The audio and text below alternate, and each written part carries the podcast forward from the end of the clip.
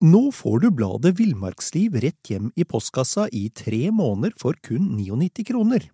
I Villmarksliv kan du lese om norsk natur, ærlige tester av klær og utstyr, og mange gode turtips skrevet av erfarne friluftsfolk, fiskere og jegere. Send SMS VILL36 til 2205 og motta bladet allerede neste uke. Lev livet villere med bladet Villmarksliv. Hey, it's Danny Pellegrino from Everything Iconic. Ready to upgrade your style game without blowing your budget? Check out Quince. They've got all the good stuff shirts and polos, activewear, and fine leather goods, all at 50 to 80% less than other high end brands. And the best part? They're all about safe, ethical, and responsible manufacturing. Get that luxury vibe without the luxury price tag. Hit up quince.com slash upgrade for free shipping and 365 day returns on your next order. That's quince.com slash upgrade.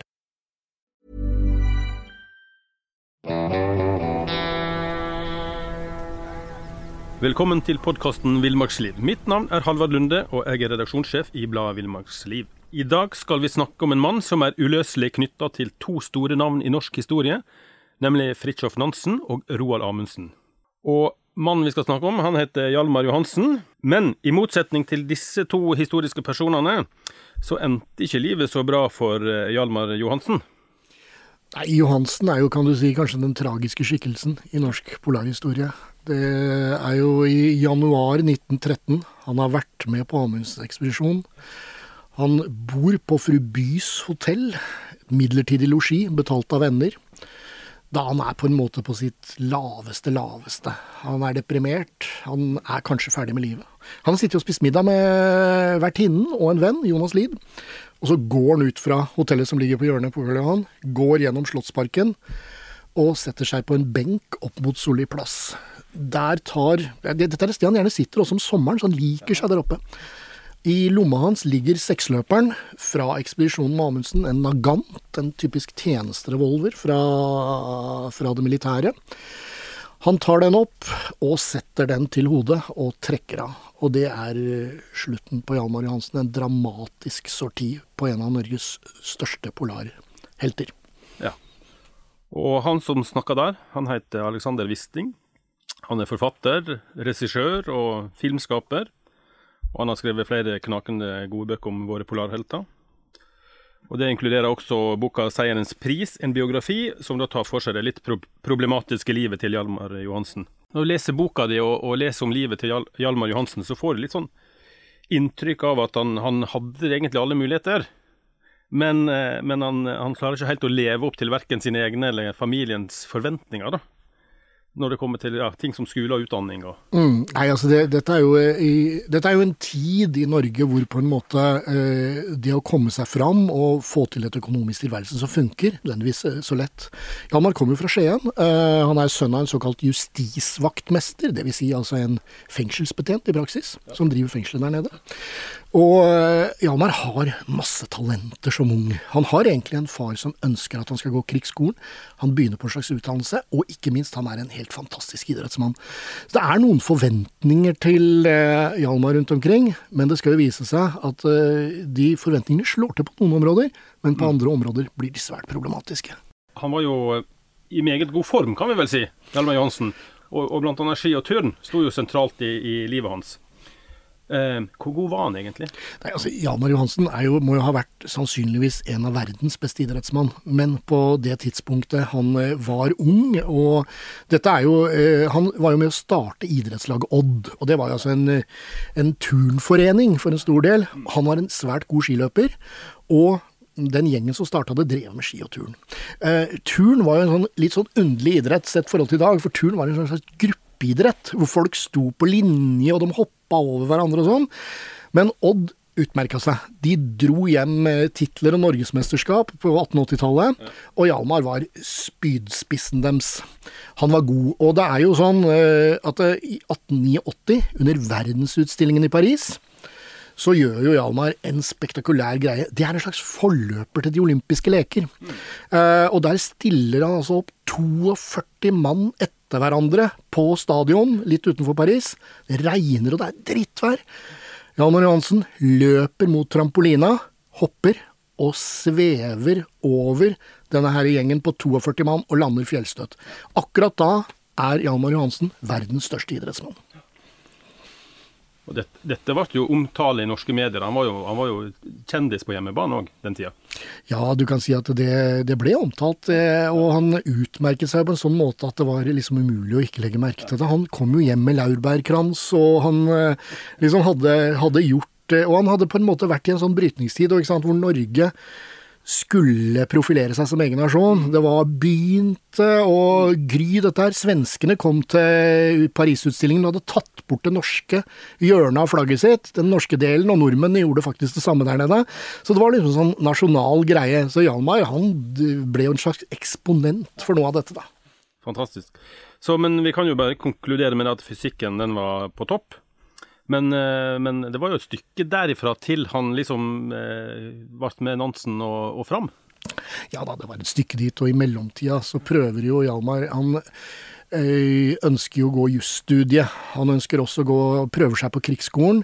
Uh, jusstudiene ender dessverre opp i Kristiania med at han egentlig ikke kommer så langt. Han blir glad i å drikke. Han fester mye. Han er en mann som lar seg rive med på ting. Han er en morsom fyr å være sammen med. Folk liker han. Uh, og selv om han har en kjæreste hjemme som virkelig, altså Hilda, som han eh, kaller den elskede gjenstand, som han uh, legger alt inn på å få for evig, så er det klart han lever et ordentlig studentliv i Oslo. Og det går ganske dårlig. Krigsskolen havarerer da faren dør, og han er nødt til å gi opp. Han har rett og slett ikke midler til å fullføre eh, krigsskolen. Så på en måte er eh, Hjalmar Hansens vei mot å bli en polarhet er en blanding av store idrettstriumfer, men de var vanskelig å omsette i penger den gangen. Det var ikke som nå. Hadde du vært verdens største turner, eller verdens største så hadde du klart du omsatte i noe. Den gangen kunne man ikke det. Så Hjalmar er jo på leit etter et eventyr. Og samtidig som han er i eh, Paris, så kommer Fridtjof Nansen hjem fra Grønlandsekspedisjonen. Plutselig er det noen som viser jøss, det går an å være idrettsmann, bli kjendis, bli nasjonal størrelse og tjene penger samtidig. Så det er klart Hjalmar ser noe der. Mm. For det var jo Grønlandsferden som etablerte Nansen som en sånn nasjonal helt òg, egentlig. da. Mm. Fra starten på det. Men um Hjalmar ble jo ansatt som, eh, som var det fyrbøter? Hjalmar var fyrbøter. Hjalmar søkte jo Nansen flere ganger. Han eh, skrev, bombarderte han med brev. Han var jo, når han ble sjøsatt på Rekkevik eh, ved Larvik, så var jo Hjalmar der og så på hendelsen. Han snakket ikke med Nansen da, men han fikk jo ikke svar. Han fikk avslag eller ikke svar. Og dette var jo fordi at Nansen ønsket opprinnelig med seg vitenskapsmenn, mer folk som var lik han. Hjalmar fylte jo ikke den profilen. Men så møter han jo Hjalmar. Hjalmar oppsøker han rett og slett, går på han. Altså, jeg vil være med, jeg gjør hva som helst, jeg kan være fyrbøter. Mm. Og lønna er jo ræva. 60 kroner. Uh, det, er, eh, det, er, ingenting. Kona hans tjener mer på tele... Eller det som blir kona hans, altså kjæresten hans, tjener mer på telegrafsentralen i Skien mm. enn det han gjør for å gå ut og risikere livet sitt som fyrbøter i første omgang. Et ja. hardt arbeid, men det skal jo vise seg å bli noe annet. Du var inne på det. Vi, vi, tidsånden her, det var liksom 1893. Nasjonsbygginga var liksom på, på, topp, kanskje, på mange måter. Eh, det er en stund siden 1814 og vi har fått grunnlov, men vi er jo fortsatt underlagt svenskene. Eh, og i, det var vel eh, juni 1893 de la ut fra Oslo, mm. under stor jubel. Ja. Hvordan ble de mottatt langs kysten? Dette var jo rene signingsferden. Altså det at Nansen, som allerede var da en internasjonal størrelse etter Grønlandsferden, skulle dra ut, ta med seg den norske æren og kanskje ta en pol, men i hvert fall gjøre seg bemerket med nordmenn om bord. Dette var et norsk mannskap som Nansen hadde med seg. Eh, og det er klart at eh, det er en signingsferd. De går fra eh, flaggborg til flaggborg, fra festlighet til festlighet, helt opp til de kommer til Nord-Norge. Og det er jo, det er vel, kan du si, eh, i Nord-Norge at da det siste stopp før de skal videre inn i isen, så tar jo på mange måter denne festinga litt av. Da drypp, drysser champagnen over eh, folkene fra de går, eh, kom, ankommer til de går hjem. Altså, uh, menneskene der oppe hadde gjort klar århundrets fest, for dette var liksom siste før du skulle inn. Du kom jo Var det de siste, kom du aldri til å se det mer? Vil de dø i isen? Altså alt dette spørsmålene var jo der. Og dette var jo da blitt på en måte flere av dem. Hadde i hvert fall vi fått en viss profilering da som kjendiser. Dette dreide seg om Sverdrup, som var kaptein, og først og fremst Nansen.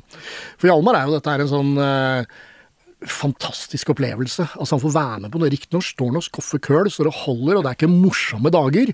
Men dette er jo en fest som er vanvittig. Og for en mann som var glad i å drikke, så var det klart at det kunne gått ordentlig galt. For de gjorde jo det for noen av de andre ja. under denne festen. Ja. Nansen var vel litt uh, betutta over at uh, han ikke De skulle jo egentlig dra den fredagen, da. Jeg tror det var 21.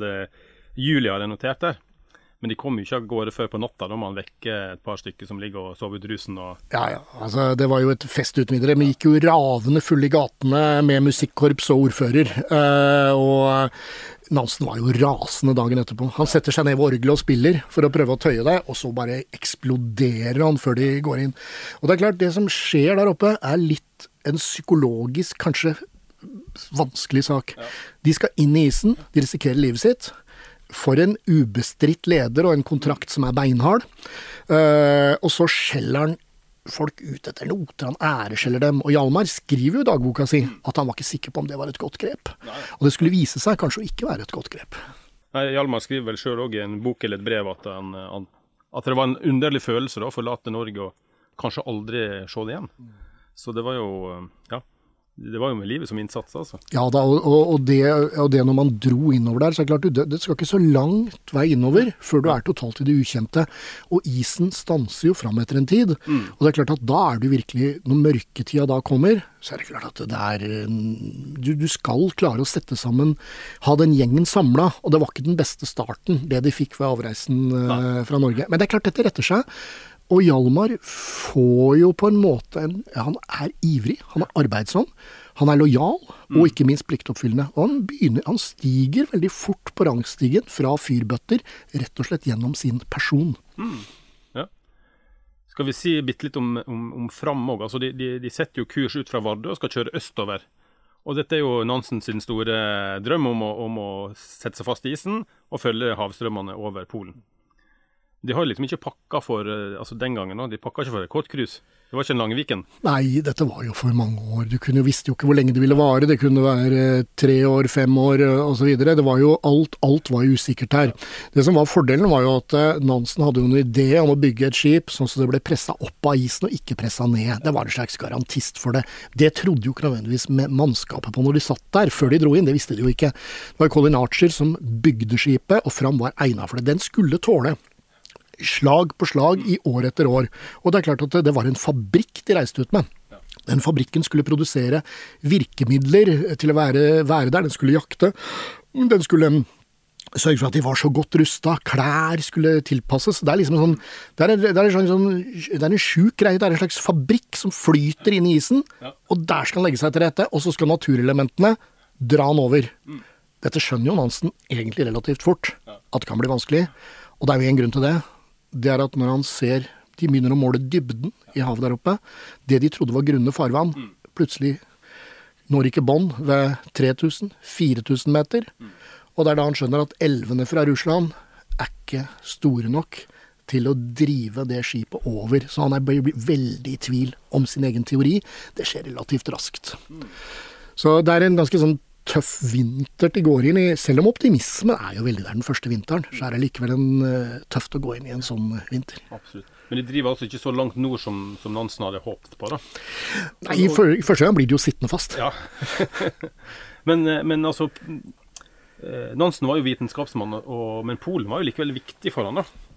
Ja, og, og, du kan si at det, det, det, det, viktige var jo selvfølgelig den teorien, at den teorien virket. Men det er jo ingen tvil. Nansen, på en måte, selv om det motbeviste hans egen teorier, så var jo eh, oppdagelsene hans fantastiske.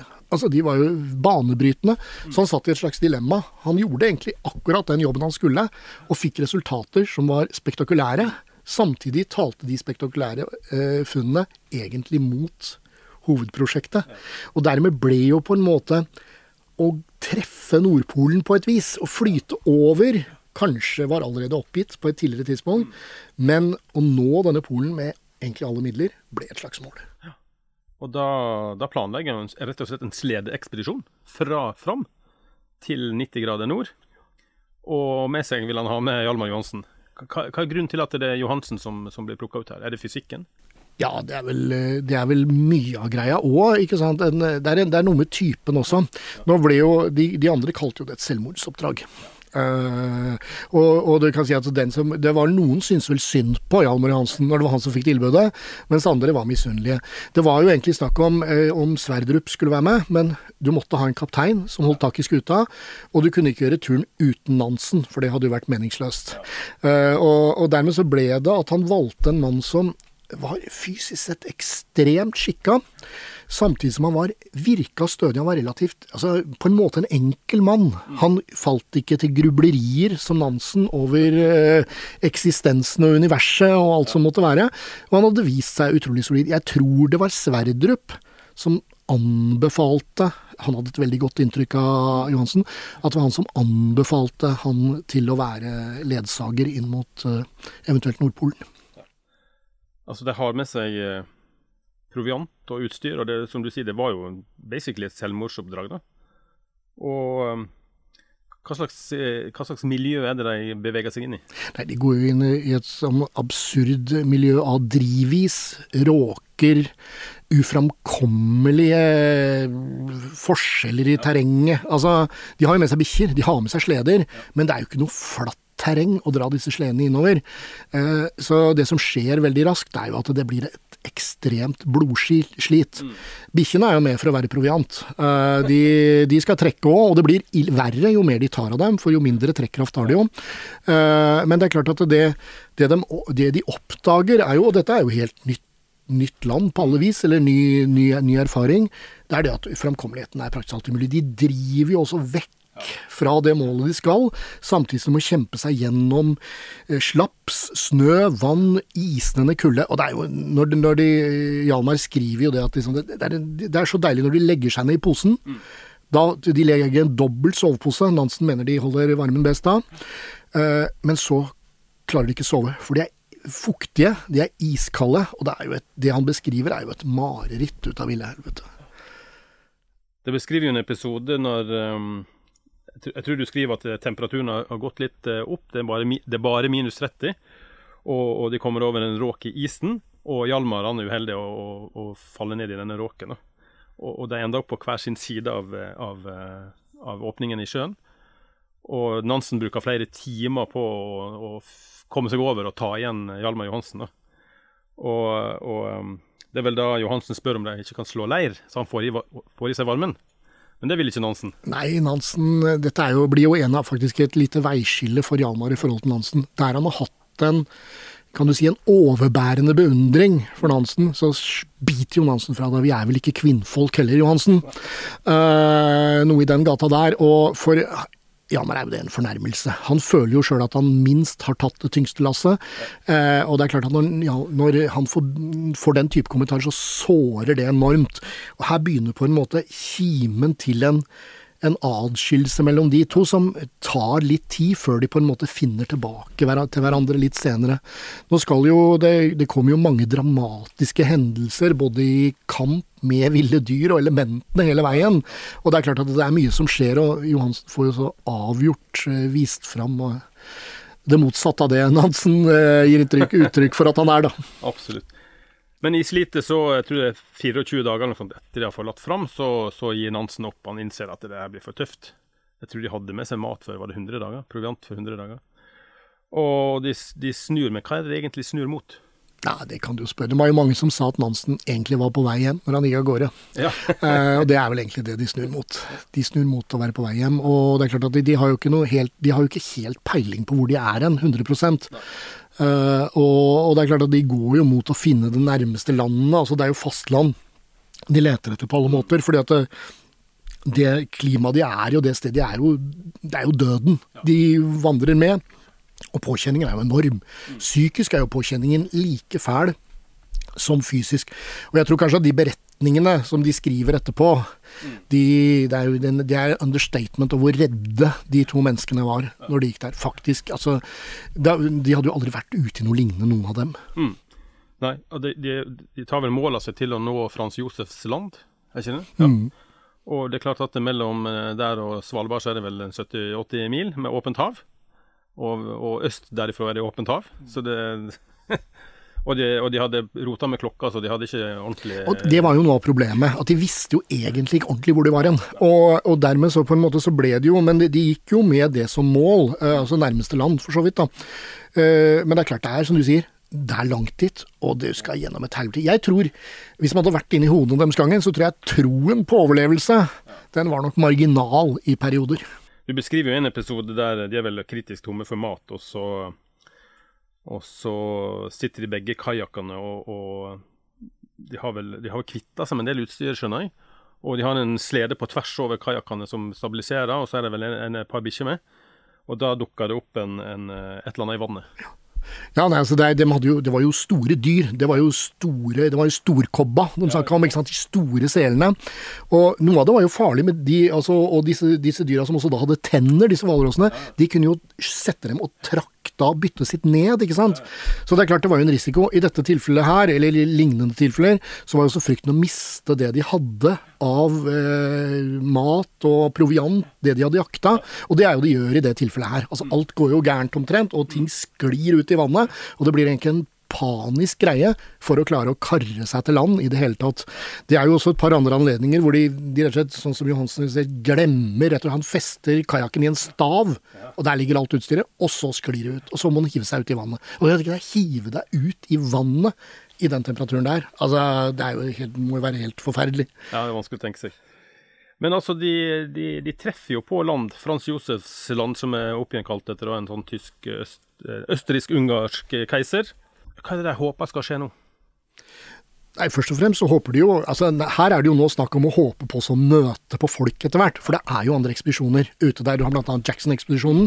Og du har, det er jo en aktivitet i disse nordområdene her. Begynt å bli en aktivitet på det tidspunktet. Det er svensker som forbereder en ballongferd ikke sant, eh, på Svalbard. Der, eh, så målet er jo være med først og fremst er det jo igjen målet om å overleve en stund til. De bygger seg jo hytte, og i denne hytta er jo på en måte, kommer de jo igjen litt tilbake til livet. Nå legger de jo faktisk på seg litt, grann. de eter feit mat. Og det, blir, og det er jo en litt søt historie, det er vel fra nyttårsaften 95-96, hvor eh, han Nansen han har en halv kopp vann, og så vrir han opp trusa si, da har han hatt det på seg et halvt år omtrent, i en kopp vann, og han sier at det var helt vidunderlig. Og det er jo, det er jo litt det der, det ga for første gang, så hadde de litt komfort i den hytta der. Og den gir jo, som sagt, det er jo springbrettet for nå. De, nå kan de jo i realiteten møte noen. Ja, for i løpet av høsten de innser at de må overvintre på Frans Josefs land. Og det står jo i boka di om denne, denne hytta at den er ti ganger seks fot. Det er vel omtrent tre ganger to meter. Ja. Så det var ikke mye komfort. Nei, det var ikke det, men det var likevel noe helt annet enn det var vant til. Altså Bare det å ha trygg grunn under beina. Og det er klart, det var jo igjen så Du, du lever jo du, du vet jo ikke hva utfallet av dette her heller blir. Men det er klart at det var allikevel en, det er en, en hel endring i hele prosjektet. Nå har jo Nansen da begynt å uroe seg for Fram, han begynner å uroe seg for andre ting samtidig. Og igjen er jo dette forholdet mellom Nansen og Johansen er jo fortsatt litt sånn Det er litt på bristepunktet hele tiden. Men for all del, dette er allikevel en bedre periode. Absolutt. Men de, eh, de har eh, ammunisjon og våpen, så de får skutt seg mat. Og som du sa, de, de, la jo faktisk kraftig på seg da når de lå i den hytta i sju måneder. Artig punkt der òg, at Nansen, det står jo en plass at Nansen var jo faktisk klar for flere overvintringer. Altså når de kommer til våren og, og, begynner å planlegge litt da, før de treffer Jackson. Så han jo, skriver han at han er klar for flere vintre, han altså. Ja, det mente nok neppe Johansen i den reelle situasjonen der. Han, du kan si at Johansen skriver en mann som lengter veldig hjem. Ja. Uh, og det er klart at uh, igjen, Nansen hadde et liv der hjemme. Ja. Altså, Johansen hadde mindre å tape. Nansen hadde jo et fantastisk liv. Han var rik, velstående, berømt, hadde gifta seg, alt var fint, liksom. Han lengta jo hjem. Så det lå vel litt i en slags sånn uh, Dette kjennetegner litt Nansen, litt sånn en illusjon om at han kan Ok, nå begynner det å gå bedre. Ok, da er vi klare for nye runder. Uh, og, og, kanskje tenkte han til og med mot Nordpolen igjen, for all del. Det kan jo hende han tenkte det innerst inne. Dette var nok Johansen eh, veldig obs på at nok var tankespinn på det tidspunktet, tror jeg. Ja. Men da, da de kommer til våren igjen, så, um, så, møter de jo faktisk folk. Utrolig nok. De hører, jeg tror de hører en hundeglam eller annet sånt. Og da har du jo denne klassiske episoden. Ja, det er jo en sånn Livingston-Stanley-episode hvor eh, da Jackson, den engelske oppdageren, ja. Er, Nansen går fram til vedkommende. Han har da langt, fettete hår. Han er kølsvart i ansiktet etter de, alt det fettet de brenner i hytta. Og står foran. Og det er jo nesten sånn eh, Nansen, formoder jeg, sier vel Jackson omtrent. ikke sant? Altså det, er, det er nesten det samme forholdet. Og det er klart det er spektakulært. For Jackson også, så er jo Nansens ekspedisjon er jo på alles lepper på en måte har vært det. Og det Nå får du bladet Villmarksliv rett hjem i postkassa i tre måneder for kun 99 kroner.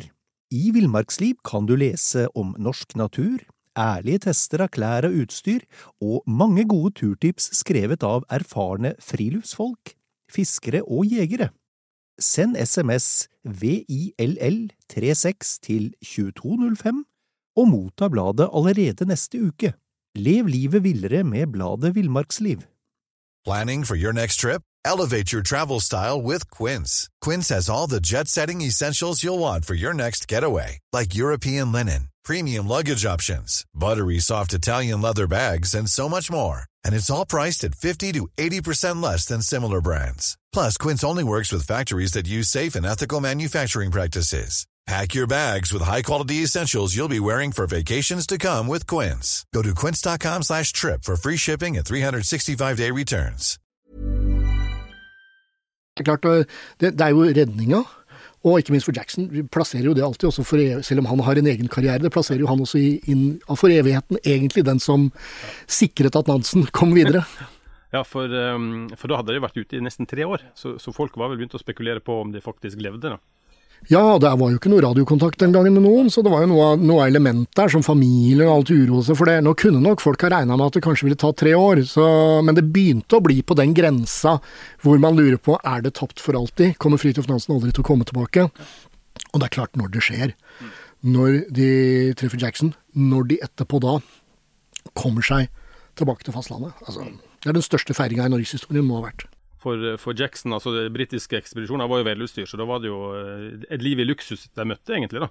Fikk bade og vaske seg, og proviant og mat og ja. Ja, ja dette, dette var jo et helt altså, det var, tenk, tenk for en opplevelse da man har vært og, gjort det. Og spesielt kanskje for Hjalmar, som denne, sånn som han hadde slitt. Han hadde nok allikevel, selv om han var sterkere, så hadde han kanskje slitt mer enn Nansen allikevel fysisk. Og psykiske ettervirkninger for Hjalmar var nok større. Men det er klart, det med den det var jo redningen. Og bare, nå, nå beholdt den jo faktisk noe av skjegget og sånn en periode etterpå, men eh, jeg, jeg, kan tenke meg noe større opplevelse kan du vel kanskje ikke ha som polfarer. Men, eh, men når de kommer tilbake til sivilisasjonen, altså om bord på båten til Jackson og, og der han er, ekspedisjonen holdt hus, da, så skiller de litt lag igjen, Nansen og Johansen, fra å på en måte dele, dele seng og sovepose inni denne hytta. Dette, dette er jo eh, Her blir jo, føler jo Hjalmar at nå er ikke han interessant lenger. Dette er jo en av følelsene hans. Nansen går jo da inn i rollen som den store helten. Hjalmar liker ikke det, på en måte. Han føler seg satt til sida. Kanskje er jo det bare en, en litt uriktig greie på en måte, litt fordi at Nansen måtte jo nødvendigvis ta den rollen. Men det er vel det der som innimellom kjennetegna Nansen, er at eh, der og da så funka det, men nå var det viktigere mål. Og igjen, det er et mål, ikke sant. Nansens neste mål, det er jo å kapitalisere på denne reisen. Men han er jo også jævlig urolig for en annen ting, og det er at Fram er jo fortsatt der ute. Og du kan jo tenke deg, når de kommer fram, så er de letta, og de er jo happy, og, men folk stiller jo spørsmål. Og hva om alle de andre dør, og lederen har stikket av, på en måte? Eh, jeg er ikke sikker på om Nansens ettermæle hadde vært det samme hvis Fram hadde gått ned isen og ikke kommet tilbake. Men det utrolige er jo at uh, 13.8.1896 så er jo Nansen og Johansen tilbake i Vardø, og på samme dag så er faktisk Fram ute av isen. Men det er jo ingen som vet. Fantastisk.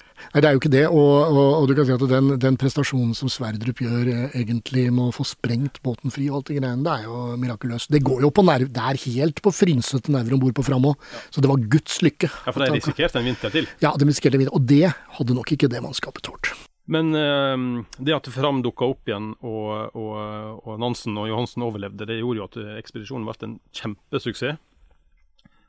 Og eh, det øka jo bare Nansen sin kjendisstatus. Men uh, mye av det økonomiske utbyttet tilfaller jo Nansen. Blir det et problem? Ja, det blir jo et problem uh, på sikt her. I første omgang så får jo Hjalmar veldig mye av berømmelsen. Hjalmar elsker berømmelse. Han, det er noe med når Så lenge lampene er på, så kan du tåle ganske mye. Du kan også tåle å ha litt dårlig råd, så lenge du er i Palles lepper. Eh, men etter en tid, så når, lampen, når interessen begynner å gi seg Nansen er jo alltid rampelyset, for Nansen er Norges mest kjente mann. Han er egentlig større enn en eh, de som måtte være på Slottet, uansett hvilken nasjon de er fra. Eh, og Nansen er liksom Norge. Hjalmar Hansen var han som hjalp Nansen, og det blir stille. Men Nansen får, Hjalmar får jo en mulighet som ikke de andre fikk. Han fikk skrive bok. Mm. Uh, og, og, Hjalmar har jo faktisk suksess med boka si, for Hjalmar er god til å skrive. Mm. Så han får noe ut av det. Det gjør han. Det er jo langt fra det samme utbyttet som Nansen hadde. Og det er klart at Hjalmar er jo en mann som lever litt mer i nuet, og mm. pengene blir jo raskt borte. Men han får jo gifta seg da med sin livslange kjærlighet, Hilda. Ja, det han får sin elskede gjenstand. Ja, ja. Og han ble vel eh, også eh, premierløytnant, så han får graden han hadde fått hvis han hadde gjennomført eh, krigsskolen. Og han får jobb i Nord-Norge. Men det, ting går jo likevel ikke på skinner. Nei, og, og dette er jo vendepunktet for Johansen. Det, si det, det, er jo flere forhold der. Det ene er at Jan Mor Johansen fikk jo ikke utnevnelsen fordi han var dyktig på noe vis. Han kom ikke fra slekt som normalt fikk offiserroller. Husk på den gangen så var det ofte slektsbundet i å få toppstillingen i Forsvaret, ikke sant. Eh, så han får jo litt til å begynne med. Går det ganske bra i Forsvaret, men han får jo samtidig nedlatende holdning mot seg. Han sliter litt med det. De flytter, etter hvert flytter jo eh, kona og da ungene etter. Eh, og dilemmaet der oppe at det er mørkt, det skjer lite, og på offisersmessa er det billig drikke. Eh, og for Hjalmar fører jo det tilbake til litt det han hadde problemer under studietida. Altså, han eh, ruser seg. Han eh, henfaller til ting han ikke burde henfalle til. Og til syvende og sist så får jo det utslag i vold mot Hilda. Han er grusom mot det mennesket han elsket så vanvittig er han så grusom mot. Dette skjer veldig mye i rus, men jeg tror det også finnes en annen forklaring der enn det. Og jeg, min oppfatning er jo at Hjalmar gjennom den fryktelige ferden med Nansen egentlig har fått det man kaller posttraumatisk stressyndrom. Han har vært så nær og så redd, og det er klart det preger Det er veldig få polfarere som gikk ut av den type ferder uten ganske store problemer. Selvmordsraten var jo relativt høy også blant norske polfarere i etterkant. Så ja, man sliter med mye. Livet går jo egentlig i praksis fullstendig i oppløsning i Nord-Norge. Og, og, det nærmer seg jo en, eh, en kollaps uten like. Mm, ja. Kona flytter jo fra han. Blir skilsmisse. Og han lever vel på sånn almisse fra Nansen via en eller annen politimester Skar? Ja, han, er, han får 50 kroner i uka. Han får jo hjelp i Nord-Norge, og Nansen, er, Nansen, hjelper. Nå kan du si at eh, Hilda hadde jo allerede vært i kontakt med Nansen, og hun, Nansen hjelper også henne. Det som er litt spesielt, er at Hilda var en litt annerledes kvinne. Hun var en ganske moderne kvinne. Hun var opptatt av kvinnesak, hun var veldig sånn selvgående. Og for Hjalmar, i en svært tradisjonelt samfunn, boende på en båt sammen med andre folk i tre år. Så var det klart hennes oppvåkning kan også ha vært en, at forholdet knaka en del. Og hans svar i rus var jo å være slem. Han var jo ikke det ellers. Men, eh, men Hjalmar får, eh, får, en ny sjanse. Han kommer seg ut i isen igjen, nordover, med en, eh, en spesiell tysker. Ja, altså Theodor Lerner, da, som var, ble kalt tåkefyrsten. Eh, det var jo en, ifølge Hjalmar en kvapsete, feit fyr som aldri burde vært uh, i polare strøk. Han hadde jo vært uh, tidligere og annektert noe land på Tysklands vegne og stått imot en russisk til og med båt som skulle ta han den gangen, så han var jo ikke det at han var helt uten erfaring. Men det var jo en ferd rundt kystområdene, rundt Spitsbergen, de to skulle gjennomføre. Hjalmar får jo den sjansen etter han har loka rundt i området der, for Lerner er jo et et navn som Hjalmar Johansen viktig. Han er kjent, det er lurt å ha med. Han har kvitta seg med rusproblemene, det i hvert fall ryktet går om det. Og når Lerner tar han med ut, så er vel, dette er vel i 1907 omtrent, og, og du kan si at det så gjør Hjalmar nytten sin så det holder, men forholdet mellom dem kollapser jo fullstendig. Han, Hjalmar tar jo Lerner i å lese i dagboken hans. Og det er liksom det største tillitsbruddet du kan ha i sånne forhold. Så når de ligger nok to typer som ligger i ei lita hytte, så er igjen du tilbake til eh, egentlig Og her har du en leder som er så ille at Nansen er ikke sammenlignbar i det hele tatt. Her har du en mann som på en måte ikke funker. Altså, eh, Hjalmar må jo bære fyren rundt etter hvert. Og når han, eh, når han blir syk, så ligger jo han og tar morfin, eh, og Hjalmar mener jo det er helt forferdelig at du gjør det. Så han, han er jo, Lerner blir jo et risikoprosjekt. Så da, den ekspedisjonen havarerer fullstendig. Men Hjalmar har lært seg én ting, eller fått med seg én ting. Han duger fortsatt. Han er sterk, han funker i isen. Og han, han redder jo Lerner på alle måter. Uh, så han er egentlig fit for nye ting. Ja. Og han snakker jo med Nansen, da. Ja, og da skal jo fram på en ny ekspedisjon. Men denne gangen er det jo Amundsen som har fått eh, lov å låne båten, og skal, skal nordover igjen med fram. Og, og Johansen vil gjerne være med, nok en gang. Mm. Ja, Johansen vil ut, og Johansen vil ha jobb. Og Johansen vil jo egentlig forenes med familien på østlandsområdet. Og han eh, har jo hatt eh, perioder der nede hvor det har gått gærent eh, tidligere, men nå er han, han mener å være klar, han er fri for alt sammen. Nansen legger jo inn et pressmiddel mot Amundsen. Dette er jo som en del av forutsetninga. Amundsen er jo i utgangspunktet ikke så interessert i å ha med seg andre kjente polfarere, for han er for så vidt klar over at det kan være et sånt ledelsesproblem i noen grad. Og han kjenner jo selvfølgelig til, eh, i hvert fall broren Leon kjente godt til, og hadde fått med seg det som hadde skjedd for Hjalmar. Eh, Amundsen er jo egentlig tilsynelatende ikke noe særlig gira på å ha med Johansen, men når han først får med Johansen, så mener han jo Johansen kan være en jævlig ressurs. Så egentlig så introduserer jo altså Amundsen i en slags ledergruppe nærmest å begynne med. Hjalmar er jo i Horten og se på ombygginga fram, sammen med Torvald Nilsen, som er skipsfører. De tre er, eh, er, rundt en del. Så på mange måter så virker det også som Amundsen, når han først skulle ha med seg Johansen, så skulle han bruke den og få kvaliteten hans fram. Men nå kjenner vi jo historien. Amundsen han lurte jo alle.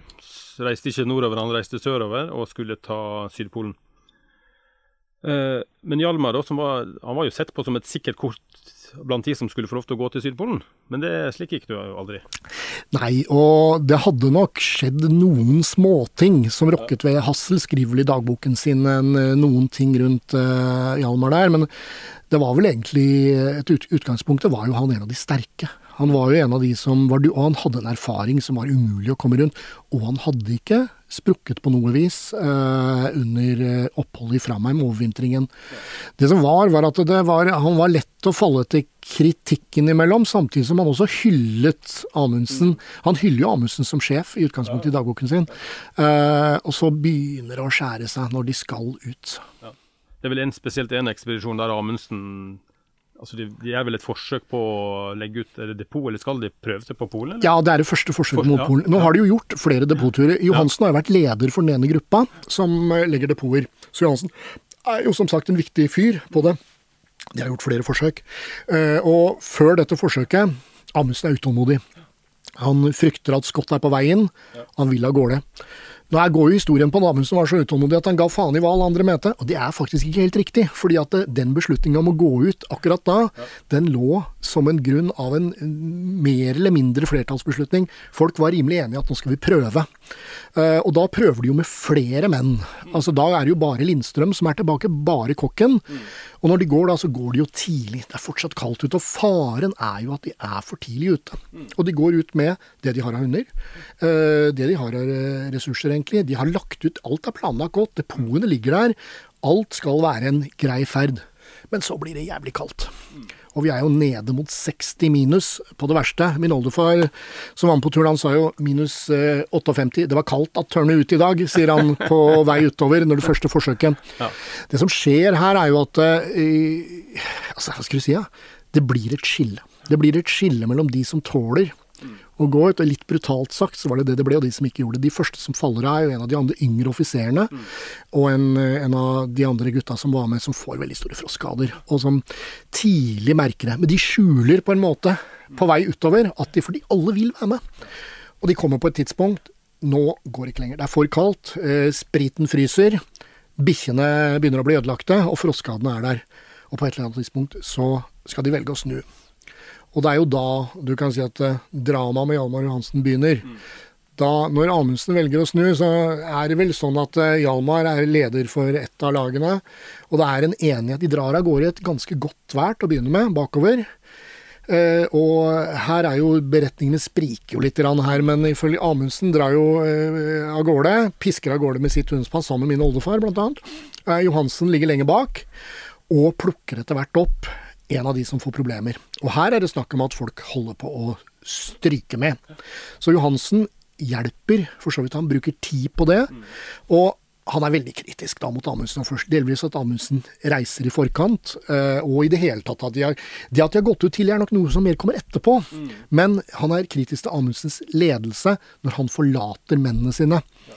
Så når Hjalmar Johansen tørner inn på natta, så roper han jo ut at de, det er en helvetes sjef de har, eller noe i den gata der, okay. til Amundsen når han er, møter han i døra, og da er det gjort. Ja. Det er mytteri på Framheim. Mm. Jan Arild Hansen har stått for mytteriet, ifølge Amundsen. Og han skal tas ut av gruppa. Han er ikke den eneste, fordi at de reduserer det. Og du kan si på mange, mange måter er jo tilbaketoget fra den første forsøket, et slags norgesmesterskap eller et kappløp i å være med. Mm. De som ikke har fiksa det, eller de som kommer seint, får i praksis ikke være med. Han bestemmer seg jo da for fem mann. Hjalmar er ikke en av dem, og dette er jo, sies jo å være punktet, vendepunktet for Hjalmar. Han er på vei opp. Egentlig så brytes uh, oppdriften på Framheim. Kunne Amundsen eller eventuelt Johansen gjort noe annerledes etter den konfrontasjonen på Framheim? Altså for å glatte over situasjonen, da? Altså hvis, eh, hvis, Johansen hadde vært litt ydmyk og lagt seg litt flat, som det heter i dag? Jeg tror nok kanskje at Johansen ikke hadde blitt satt ut hvis ikke han hadde møtt Amundsen på den måten. Amundsen var jo egentlig en leder som hadde vært en forbilledlig land. Hadde jo praktisk talt flat lederstruktur. Han tok alltid mennene med på vurderinga, han informerte hva de skulle. Det var jo et eh, Han oppfattet som et mytteri, og de var ikke uenige. De andre de syns han er beinhard, men dagbøkene deres tyder ikke på en større uenighet eh, om det som skjer. Johansen hadde Det brast jo for Hjalmar, ikke sant. Og det var nok litt på bakgrunn av det han hadde opplevd før. Jeg tror det ligger mye av ballasten han har med seg, gjør at det rakner. Normalt sett kunne han ha dratt tilbake, svelga det og gått inn. Og sannsynligvis hadde han vært en av de fem mot Polen etter det. For han hadde jo redda en mann. Han var jo sjøl fit for fight. Eller så var det jo de andre som var spreke nok, som var de som kom til å bli valgt. Etter Sydpolen så blir jo altså Amundsen legger jo en slags strategi for å ja, kall det sverte Johansen, som en slags myterist. Og for å hindre at Johansen For han reiser jo hjem før de andre. Så for å hindre at Johansen tar regi på historien, så blir han jo på en måte en syndebukk. Ja, det er jo et skill. De kommer jo til Hobart uh, i Tasmania. Uh, og det er jo der på en måte bruddet skjer. Det er ikke noe som tyder på at uh, Amundsen hadde noen plan mot Hjalmar på det tidspunktet. Han er vel egentlig tenkt videre i, i feiring og det som måtte være med hele laget. Uh, men det er klart, Johan Jansen sier i praksis opp uh, i Hobart på hotellrommet. Og, og, du kan si at det, da blir jo på en måte plutselig historiefortellinga når de kom hjem. Amundsen har opplevd dette før, for når han var på Nordvestpassasjen, så var det en utro telegrafist som lakk nyheten. Her har han ikke noen mulighet til å lekke nyheten, men selvfølgelig omdømmet til historien er jo helt vesentlig. Og kan jo på mange måter si at Johan Amundsen har jo fullført en prikkfri eh, ekspedisjon. På det tidspunktet vet han jo ikke om britenes tragedie på noe vis. Eh, og, og, og, du kan si at Hjalmar er en X-faktor. Det er nok ikke Amundsen selv som ligger alltid bak der, det er jo broren til Fridtjof Nansen, Alexander, er jo sakfører for ekspedisjonen. Og det er flere, da både Leon Amundsen og Alexander er veldig urolig for Hjalmar, spesielt hvis han drikker. Og han har begynt å slå seg på flaska, for det gjør han, eh, det skrives ut i andres dagbøker allerede til Tasmania. Så det er klart at det, hjemturen til Johansen blir en slags skikkelig nedturshjemtur. Litt sjølvalgt er det, for hadde han bare fortsatt med de andre, så hadde han vært med på triumfen videre. Eh, for han gjorde ikke noe, Amundsen gjorde ikke noe forskjell på bl.a. Presterud, som ikke hadde vært med til Polen, eller Stubberud f.eks. Alle fikk den samme muligheten videre. Men eh, Hjalmar har gjort sitt valg eh, på en måte, og da når han har gjort valget, så innleder man jo en måte en strategi for å gjøre han ubetydelig Ingen skal høre på det han sier når han kommer hjem. Det, det, er lett å være etterpåklok på andres bekostning, men, men eh, det aner meg jo at, at eh, Johansen hadde noen indre demoner som nesten hadde ødelagt for han uansett. Ja, og det er vel Det, det er jo en, definitivt en riktig observasjon, tror jeg. Du kan si at når dette skjedde, så var jo Nansen var ikke veldig kritisk på, til Amundsen i utgangspunktet. Til, det var, og det var ikke broren hans heller, fordi de forsto jo noe av dilemmaet med Johansen. Eh, og, og, jeg tror det er vanskelig å se hvordan Amundsen kunne opptrådt så veldig annerledes, egentlig. En, eh, altså, Hjalmar var jo egentlig revet fra hverandre gjennom åtte, ni, ti år, selv om han var på vei oppover. Og det er klart at den uh, temperamentet hans, skuffelsen, uh, det å hele tida være den fyren som ble sto i skyggen, og samtidig ble tråkka ned da, på det tidspunktet. Det var klart det var vanskelig. Det var jo hans opplevelse av det. Fra Amundsens side så det jo helt, helt annerledes ut. Og jeg tror det så veldig annerledes ut også fra de andre ekspedisjonsdeltakernes side. Dagbøkene tyder jo på det. Mm. Det står jo han, Johansen skriver jo et brev til Nansen i etterkant, da. Um, uh, det er jo for å bli med på, på, på, på Amundsen sin Fram-ekspedisjon. da. Og der, der, skriver han jo at han bærer hovedskylden for at det har gått som det er. Og, og meget kunne være annerledes eh, hvis ikke utenforstående, og så fortsetter han. da. Så han legger jo skylda liksom utafor seg sjøl hele tida. Ja, det det var, jo, en av de mindre gode trekkene til Johansen, var jo det at det var alltid noen andre som var årsaken. Eh, det var eh, I militæret var han ikke ansett. Det var Hildas på en måte kanskje endring av måten hun ville leve livet deres på. Altså Nansens eh, måte å være på. Men det er klart, i noen grad hadde han litt rett med Nansen. Han hadde veldig rett med Lerner. Og han hadde noe rett med Amundsen, men han hadde kanskje minst rett med Amundsen i forhold til dette her. Men for å, for å nærme oss en avslutning, da. Altså Hilda hun, hun, klarte seg jo bra. Ja, da, så Hilda var en sterk kvinne. Hun oppdro fire barn. Eh, hun eh, hadde hjelp av Nansen underveis. Ja. Men hun, altså, faren hennes var jo lærer, og han var en moderne mann. Han ville at uh, dattera si skulle ha alle, alle, muligheter som alle andre. Jobbe, forsørge seg selv. Og det var jo det hun egentlig gjorde. Hun så jo ikke Hjalmar igjen etter de var på etter Oslo, eller Kristiania, når han gikk om bord på Fram. Eh, og han hadde jo aldri trodd det skulle bli slikt. Han ville jo ha kontakt med dem videre, men det er klart at for Hilda så var jo Hun hadde opplevd så mye. Hun ville sikre ungene sine og trygge dem. Alle sammen fikk jo en bra oppvekst. Og, og du kan si at det, Hilda og Hjalmars historie er liksom en sånn der, det er en enormt dramatisk kjærlighetshistorie. Det er to mennesker som altså, han, Hun er hans eneste mål i hele ungdomstiden og til han blir voksen. Og så endelig, når han får henne, så er han så ødelagt kanskje sjøl at alt fra, faller fra hverandre. Og det er klart, Hilda var jo på en måte obs på Hun Syns jo synd på Hjalmar. Hun syns jo synd på han, grunnleggende selv etter det han, gjort, det han, hadde gjort, med henne. Så det er klart, hun hadde mye i seg. Hun hadde, var på en måte sikkert en veldig raus person, hvis man kan si det sånn. Men, eh, men Hjalmar det vet vi at det ikke gikk bra med. Hvordan, eh, hvordan levde han livet sitt på en måte de siste åra fram til han tok sitt eget liv i 1913? Ja, det, jo, det var jo da relativt kort tid, det var jo ikke mange måneder Hjalmar fikk etterpå, men han hadde jo, han hadde jo disse periodene sine. Han skulle jo, eh, jo, han skulle jo være med på en geologisk ekspedisjon på Svalbard igjen, var jo snakk om det. Da skulle han bare møte opp på, møte på sentralbasestasjonen og reise sammen med andre. Det gjorde han ikke. Han bodde jo perioder på et tarvelig losji i Vika, som var slumsted i Oslo den gangen.